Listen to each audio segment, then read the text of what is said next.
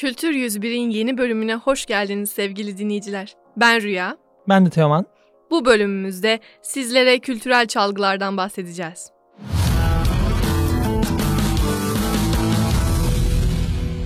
İlk çalgımız Türk, Moğol ve Hint kültüründe farklı maddelerden üretilse de mantıksal olarak aynı olan bir enstrüman. Ağız kopuzundan söz ediyorum elbette. Her ne kadar az önce de söylediğim gibi Hint kültürüyle birlikte okyanus adalarında da gelişmiş olsa da bu çalgı, büyük kardeşi gibi Türklerle ve Moğollarla özdeşleşmiş vaziyette. Ağız kopuzu rezonansla çalınır. Yani ses çıkartmak için titreşimden yararlanılır. Haklı ününü aynı zamanda çıkış yeri olan Asya'da, özellikle de Orta Asya'da kazanmış. Orta çağdan günümüze kadar gelmiş bir çalgı aleti kendisi. Farklı kültürlerde farklı malzemelerden üretiliyor demiştim. Peki bu malzemeler nelerdir? Hemen onları da söyleyeyim. Orta Asya Türkleri ve Moğol kültürlerinde çeşitli alaşım metallerden, Hindistan ve Okyanus adalarındaysa bambuyu sıyırıp içindeki damarlardan yapılıyormuş. Avrupa ve Amerika'da bu çalgının ismi de ağız arpı diye geçiyormuş. Yani batıdaki arpa birazdan ona da geleceğiz. Teknik olarak çok benzediği için ağız arpı demeyi uygun görmüşler.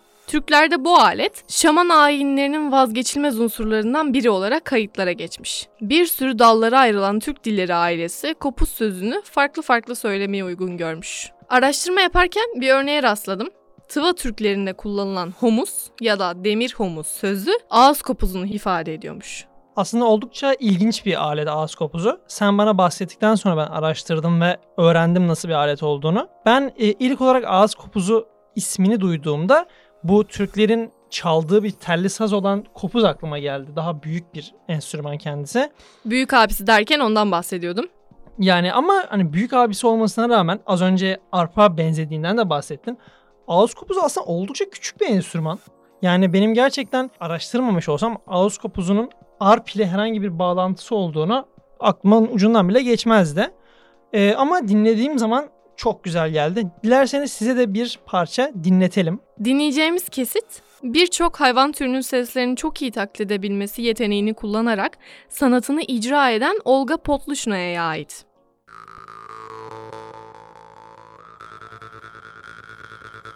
Sizlere Olga Polluşnaya'nın performansından küçük bir kesit dinlettik. Ben oldukça beğendim aslında. Çok farklı ve kendine has bir söyleme tarzı var. Yani o müzik aletini çalarken hayvan sesleri çıkartması bence oldukça renklendirmiş çalgının şeklini ve sesini. Ee, Olga Polluşnaya'nın tarzı da bence oldukça ilgi çekici. Yani o kafasına taktığı o ne diyebilirim ona? Taç mı diyebilirim? Ee, taç oldukça ilgi çekici. Ee, siz de eğer merak ediyorsanız açıp kendisine dinleyebilirsiniz. 6000 yıllık bu enstrümanın tarihini sizlere kısaca aktarmaya çalıştık. Umarım faydalı olabilmişizdir. Şimdi dilersen sıradaki enstrüman olan kotoya geçelim.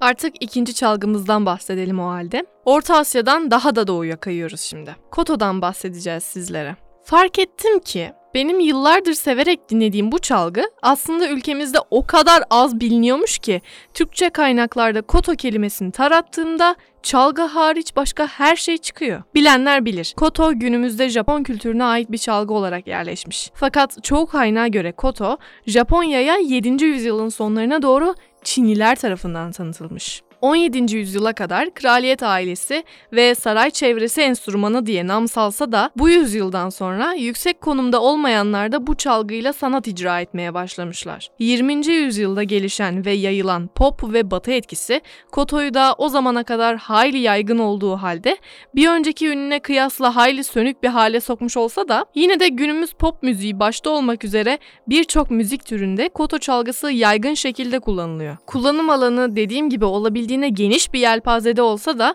daha çok bana kalırsa çıkardığı ses ve uyumlu olduğu makamlar nedeniyle mistik müzik ve folklorda kullanılmış. Öteki çalgımıza geçmeden önce ne kadar ince kıyafetiniz varsa hazırlayın. Bu sırada da size çok sevilen bir Miyazaki filmi olan Prenses Kaguya masalında kullanılmış bir koto icrasını dinletelim bizde. Filmle ilgili bir bilgi daha vermeden geçmek istemiyorum çünkü izleyenler tarafından alabildiğine beğenilse de öteki Miyazaki filmlerine kıyasla çok daha az bilinen Kaguya geleneksel çizim tekniğiyle yapılmış ve eski bir Japon masalına dayanıyor. Fırsat bulduğunuz ilk an kaçırmadan izlemeniz tavsiye edilir. Çok konuştum biliyorum. Sizi bu huzurlu şarkıyla baş başa bırakıyorum.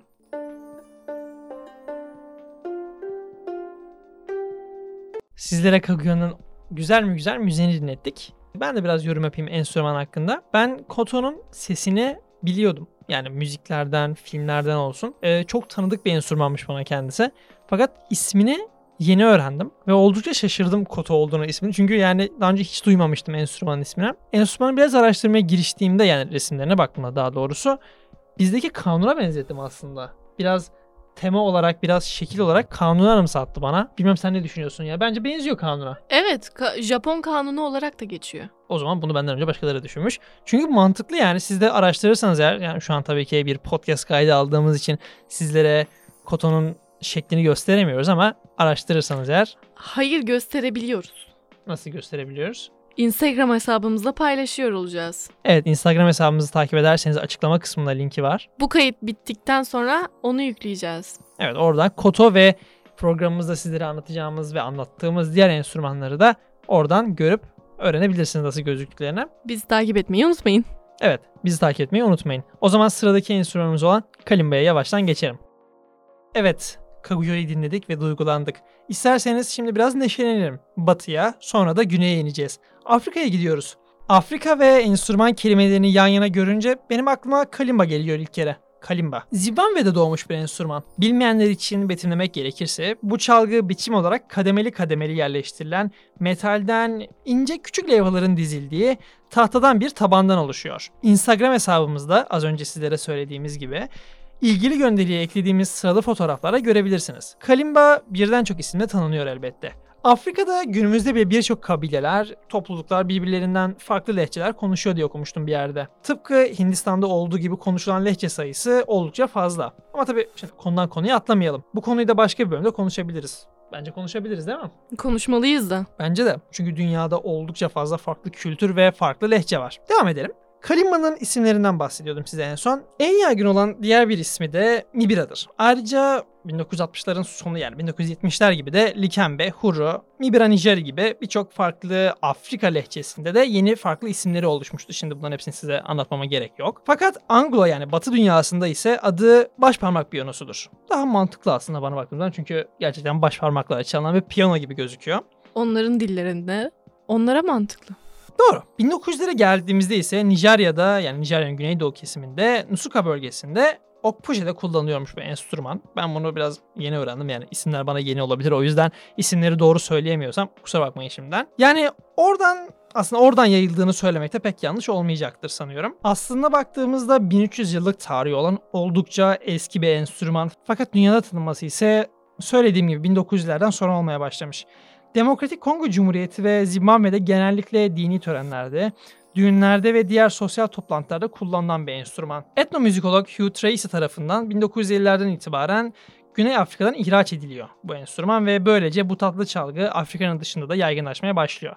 Yani baktığımız zaman aslında 1950'den sonra dünyada tanınmaya başlamış bir enstrüman. Çok eski bir tarih olmasına rağmen 1300 yıllık. İlk zamanlar tabii metal alışımı o kadar da kolay bir madde olmadığından ötürü dilleri de denilen tuşları yani bambu parçalarından yapılır olmasına karşın yıllar geçtikçe bu metal aksamlara dönüşmüş. Yani günümüzdeki halini almış diyebiliriz. Şimdi de bu kadar canınızı çektirdikten sonra isterseniz bir Miyazaki filmi ve Joe Hisaishi müziğiyle devam ediyoruz. YouTube içerik üreticisi ve benim de takip ettiğim April Young'ın Merry Go Round Life şarkısını kalimba ile çaldığı dinletiden bir kesit dinleyelim.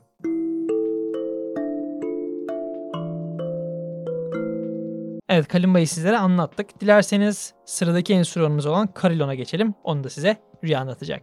Şimdi mistik güçlerinizi toplayın ve metafiziksel dünya ile iletişim kurmaya hazırlanın. Çünkü sıradaki çalgı minik kalimba ve ağız kupuzundan sonra çok çok büyük olacak. Çünkü o Karillon. İsmi tanıdık gelmemiş olabilir. Ancak bunu çoğu Avrupa filminde mutlaka bir veya iki kere görmüşsünüzdür. Enstrüman bir melodi üretmek için seri olarak çalınan veya bir akor çalmak için birlikte duyulan en az 23 döküm bronz, fincan şeklindeki çandan oluşuyor. Gerçekten çok büyük ve çok ağır bir şey. Geleneksel manuel bir karillon, baton denilen çubuk şekilli tuşlardan oluşan bir klavyeye yumruklarla vurarak veya sertçe basarak ve pedallı bir klavyenin tuşlarına ayakla basılarak çalınıyor. Yani koskocaman bir piyano gibi. Piyanoyla şeklen benzese de aralarındaki en büyük fark karillonun müziğinin bütün şehirde duyulması. Orklar da bu aileden geliyor. Hayal ettiniz değil mi? Hani şu koca koca borulu orkları. Sizce hangisi daha büyüktür? Karillon mu, ork mu? Bence Karillon daha büyüktür. Çünkü kiliselerde ve belediye binalarında çalınan bir devasa enstrüman olduğu için onun daha büyük olması bana mantıklı geliyor. Mm-mm, cevap ork. Karillon mevcut tüm müzik aletleri içinde büyük borulu orklardan sonra en ağır ikinci enstrüman. Evet bunu ben de araştırdım ve bu enstrümanın en ağır olanı 91 ton ağırlığıyla New York'ta Riverside Kilisesi'nde bulunuyormuş. En büyüğü ise 120 çanı ile Portekiz'de Mafra Sarayı'nda bulunuyor. 91 ton hiç hafif değil yani bir enstrüman için oldukça büyük. Tarihine geri dönelim. Yeterince e, cüsse- Büyüklüğünden bahsettik. Yeterince cüssesinden konuştuk. Orta çağda çanlar ilk defa insanlara bildiğiniz gibi kilise hizmetlerini duyurmak, yangın, fırtına, savaş gibi olayları bildirmek için kullanılıyormuş.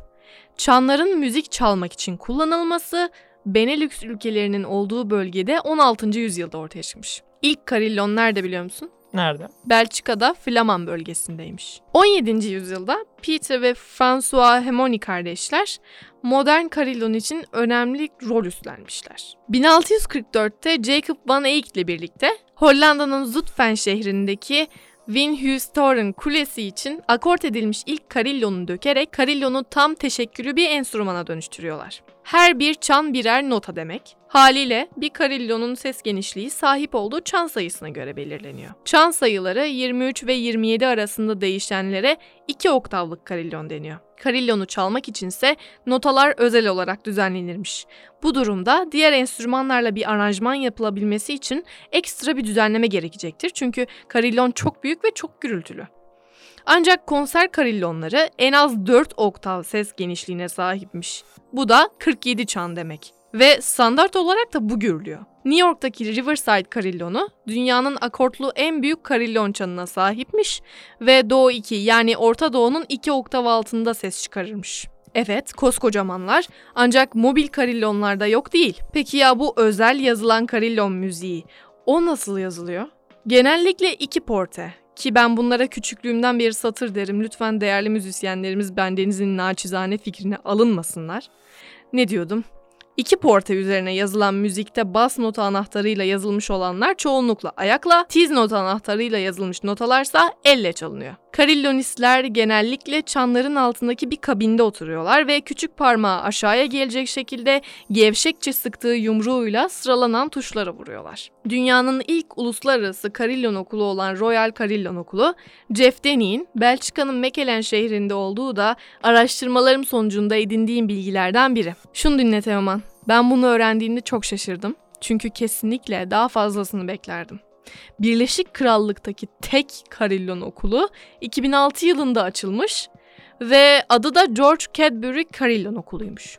İngiltere'deki kiliselerin yoğunluğunu ve aslında mimarisini düşündüğümüzde bu bayağı güncel bir tarih. Bu kadar konuştuk. Yeter. Karillonlar hakkında bahsetmekten yoruldum. Şimdi bu dev Yinswart'ın Bach'ın en az diğerleri kadar ünlü eseri Tokata'yı Karillon'da seslendirişine kulak verelim.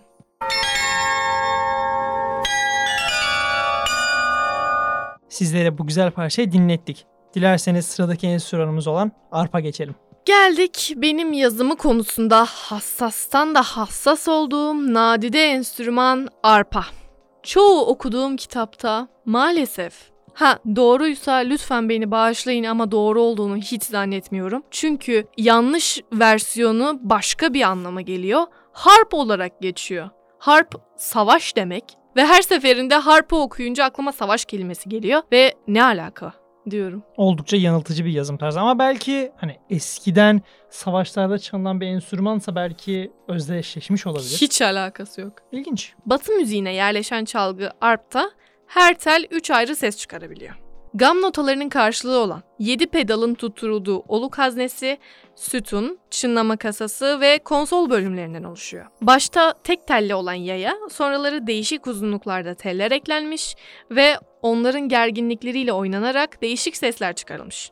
Sonraları sesi yükseltmeye elverişli bir gövde de ekleniyor ve gerçek bir çalgı yapılmış oluyor. Bunlardan geliştirilen ilk çalgılardan biri lir. Ben lirin arptan önce olduğunu sanıyordum. Ben de öyle olduğunu düşünüyordum. Değil miymiş? Değilmiş. Önce arp gelmiş. Daha çok Yunanlar ve Romalılardan tanıdığımız bu liri, bu insanlar Tanrı Hermes'in boş bir kaplumbağa kabuğuna teller takarak yaptığına inanıyorlarmış. Gene mitolojik bir unsur geldi Yunanlar deyince. Arp'ın 47 teli ve 7 pedalı var. Bu pedalların yardımıyla tellerin sesi değiştirilebiliyor. Yani akort ediyoruz. Bu pedallar 3 ayrı konuma getirilebiliyor. Böylece bir nota diyez ve bemolde olabiliyor. Notaları birbirinden ayırabilmek için notalara çeşitli renkler veriliyor.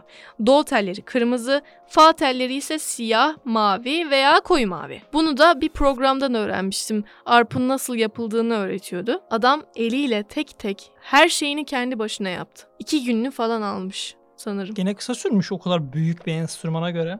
Evet ve tek başına hiç başka kimseden yardım almadan her şeyini baştan sıfırdan yaparak. Az önce arpın üzerindeki tellerde renkler olduğundan bahsetmiştim. Ben bu, bu bilgiyi yeni öğrendim mesela. Ne anlama geldiğini her arp dinlediğimde merak ederdim. Şimdi öğrenmiş oldum. Bu renklerin bilgisini de oradan hatırlayıp not almıştım. Şimdi bu kadar konuştuk arp hakkında. Batı müziğine zerk olmuş bu enstrümandan Anadolu kokan tınılar duyalım mı? Duyalım. İşte şimdi kulaklarınızda sanatçı Gizem Aksoy'un Uzun ince bir yoldayım performansından bir kesit.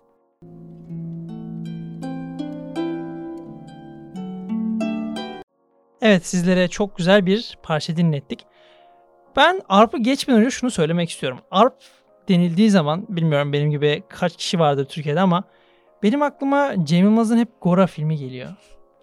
Yani Gora filminde Komutan Logar'ın çaldığı bir arp sahnesi var adı birkaç sahne var. Arp'ı ben aslında biraz da orayla özdeşleşmişim kafamda.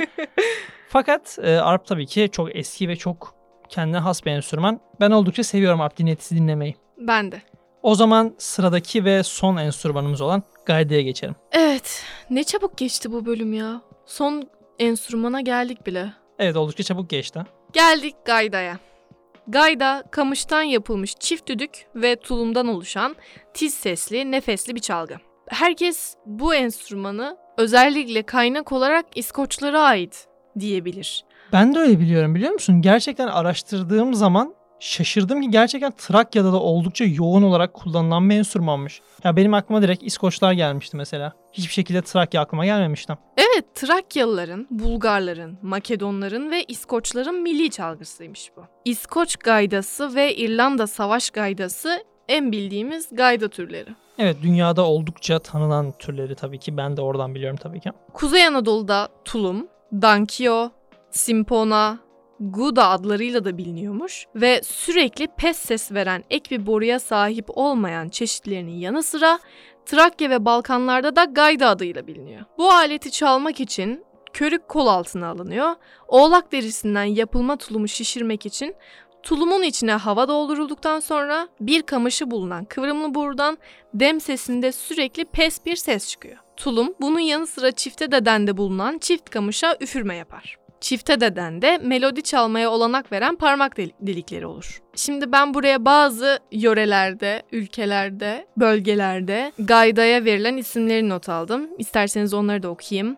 Rize Artvin yöresinde Guda, Trabzon'da Rumcası yani Dankio, Macaristan ve Polonya bölgelerinde Duda, Türkiye'de Tulum, Yunanistan 12 adalar bölgelerinde Sambona, Polonya, Çek Cumhuriyeti ve Slovakya bölgelerinde Gaydı, İspanya'da Gaita, İskoçya'da da Bagpipe. Bu kadar geniş bir coğrafyaya yayılmış bir müzik aleti için oldukça çeşitliliğe sahip bir isme sahip. Evet sizlere bu bölümde oldukça fazla enstrümandan bahsettik. Tabii ki yani müzik enstrümanları bahset bahset bitmez. Dünyada onlarca, binlerce belki çeşit farklı müzik enstrümanı var. Her coğrafyaya, her yöreye ait farklı enstrümanlar bulunmakta. Sizlere burada hepsini anlatmaya kalksak büyük ihtimalle sabaha kadar bir program yapmamız gerekir. Fakat sizler için 6 tane ve çok fazla tarihinin ve detayının bilinmediği enstrüman seçmeye çalıştık bu bölümde. Umarız güzel anlatabilmişizdir enstrümanları ve tarihlerini ve farklı coğrafyalarda nasıl söylendiklerini. Ee, tekrar edelim bölümün sonunda. Eğer enstrümanların nasıl gözüktükleri merak ediyorsanız Instagram hesabımızdan bu enstrümanların nasıl gözüktükleri alakalı fotoğraflara ulaşabilirsiniz. Eklemek istediğin başka bir şey var mı Rüya? Yok. O zaman bölümümüzü Dark Isle Bagpiper'dan Scotland the Brave'den bir kesitle bitiriyoruz. Bir sonraki bölüme mutlaka bekleriz. İyi dinlemeler. İyi dinlemeler. Görüşmek üzere. Görüşmek üzere.